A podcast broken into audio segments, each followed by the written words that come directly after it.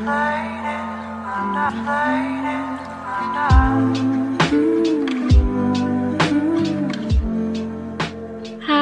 selamat malam buat kalian yang dengerin podcast ini di malam hari. Kenalin, aku Liza. Di podcast ini aku nggak sendirian.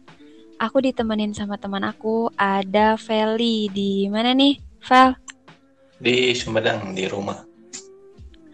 Oke, saya hal dulu dong. Halo. Jadi hari ini kita mau ngebahas apa aja? Kita ngebahas tugas yuk yang NGO itu. Oh iya, ayo ayo. Pengertiannya dulu deh. Menurut kamu NGO itu apa? Non-governmental organization atau NGO adalah sebuah organisasi non-pemerintah yang berarti tidak dalam arahan badan atau institusi milik negara yang dikendalikan pemerintah. Ada juga menurut Praja 2009, NGO merupakan sebuah organisasi yang didirikan oleh perorangan atau sekelompok orang yang secara sukarela memberikan pelayanan kepada masyarakat umum tanpa bertujuan untuk memperoleh keuntungan dari kegiatannya. Hmm, bener tuh. Kalau di Indonesia, NGO lebih dikenal dengan LSM atau Lembaga Swadaya Masyarakat. LSM adalah sektor ketiga dalam kehidupan manusia modern. Sektor pertamanya adalah negara, kedua pasar, dan yang ketiga adalah masyarakat sipil. Nah, di sinilah LSM berada. Hmm, salah satu contoh LSM yang ada di Indonesia itu adalah Yayasan Lembaga Bantuan Hukum Indonesia yang mungkin sering kali kita jumpai di kampus-kampus yang memiliki fakultas hukum. Tugas LSM ini yaitu untuk membantu orang yang membutuhkan bimbingan hukum. Nah, ada ciri-ciri dari LSM, yaitu yang pertama, organisasi yang bukan bagian dari pemerintah, birokrasi, ataupun negara. Hmm, apalagi ya, Vel? E, dalam melakukan kegiatannya, organisasi ini tidak berorientasi pada keuntungan. Udah kan ya? Satu lagi, e, kegiatan yang dilakukannya tuh untuk kepentingan masyarakat umum. Gitu. Oh, eh itu yang merpati sejati itu apa? oh itu, jadi itu teh kategori LSM. Uh, eh, satu lagi selain merpati sama sejati, ada juga nih pedati namanya. Maksudnya apa tuh? Maksudnya, kalau yang merpati itu LSM yang dibentuk berdasarkan proyek atau momen tertentu. LSM bisa bubar jika proyek itu udah selesai. Kalau yang pedati, LSM yang suka dan hanya mengharapkan untuk mengerjakan proyek pemerintah. Kalau yang sejati dibentuk karena eh, panggilan moral yang tulus untuk memperbaiki ketimpangan yang ada di masyarakat. Begitu. Giliran aku dong yang nanya ya. Fungsi eh. LSM itu apa? Uh, fungsi LSM itu satu sebagai wadah atau atau penampung untuk memproses mengelola serta melakukan semua aspirasi masyarakat dalam bidang pembangunan, khususnya pada bagian yang sering tidak dilihat oleh pemerintah. Yang kedua, sebagai pemelihara suasana yang kondusif bagi lingkungan masyarakat. E, terus, terus sebagai penyemangat dalam menumbuh kembangkan masyarakat dalam bidang pembangunan. Sebagai pengawas, pelaksana, dan motivator hasil pembangunan secara berkesinambungan. Mm-mm, bener. Terus sebagai wadah penyalur aspirasi masyarakat, sebagai organisasi yang ikut serta dalam menyukseskan pembangunan bangsa dan negara. Udah deh. Satu lagi ketinggalan. Apa? Sebagai pengembang potensi bagi tiap-tiap anggotanya. Hmm, udahan ya? Ya udah, apalagi ya yang mau dibahas?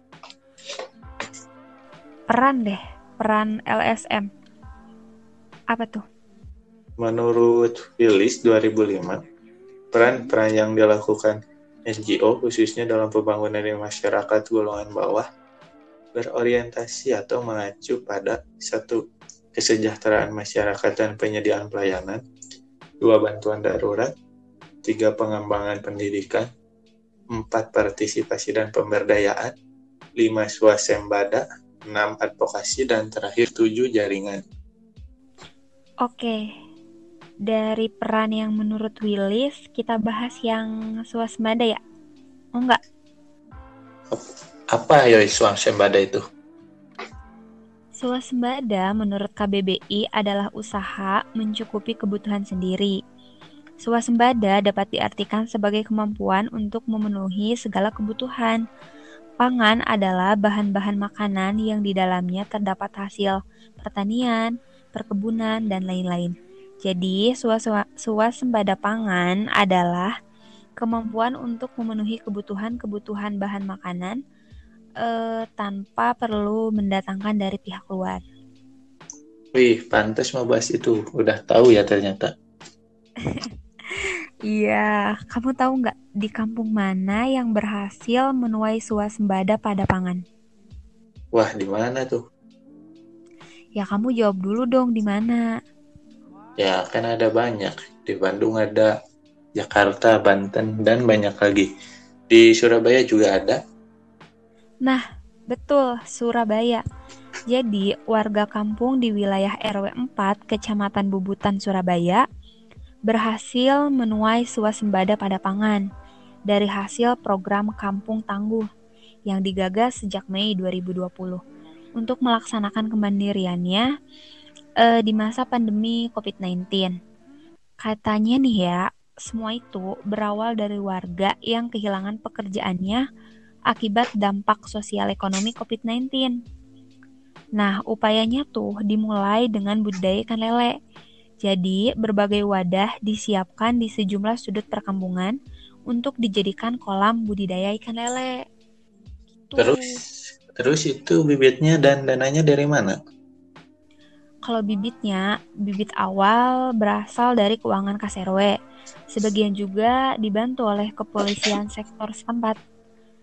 Terus ya, selanjutnya setelah budidaya ikan lele itu berkembang, uh, ada lagi budidaya ikan yang lainnya seperti gurame, nila, dan bakwal dengan memanfaatkan kolam yang semakin ke sini semakin banyak. Wih, banyak juga ternyata ya. Bener banget.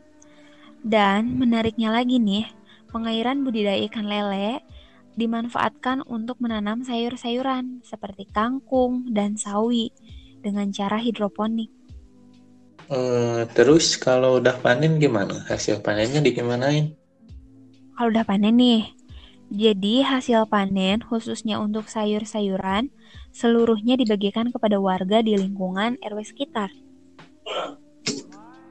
Dari Mei udah berapa kali panen tuh, Jak? Hmm, jadi program Kampung Tangguh itu udah dua kali panen, Vel. Kebayang nggak ada 500 kepala keluarga di sana dan semuanya terbagi hasil panen. Wih, keren. Mantap buat RW 4 Kecamatan Bubutan Surabaya.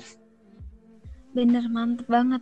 Jadi, kita tahu nih manfaat swasembada akan pangan itu dapat meningkatkan pembangunan pertanian yang melahirkan ketersediaan pangan dengan jumlah yang cukup dan mutu yang baik yang memiliki dampak luas bagi perekonomian juga akan berpengaruh pada sumber daya manusia.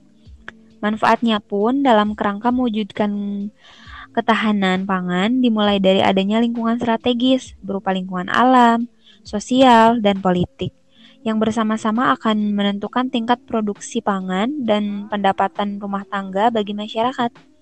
Positifnya pun, bagi LSM tersebut dapat mendorong kemitraan usaha melalui usaha pertaniannya.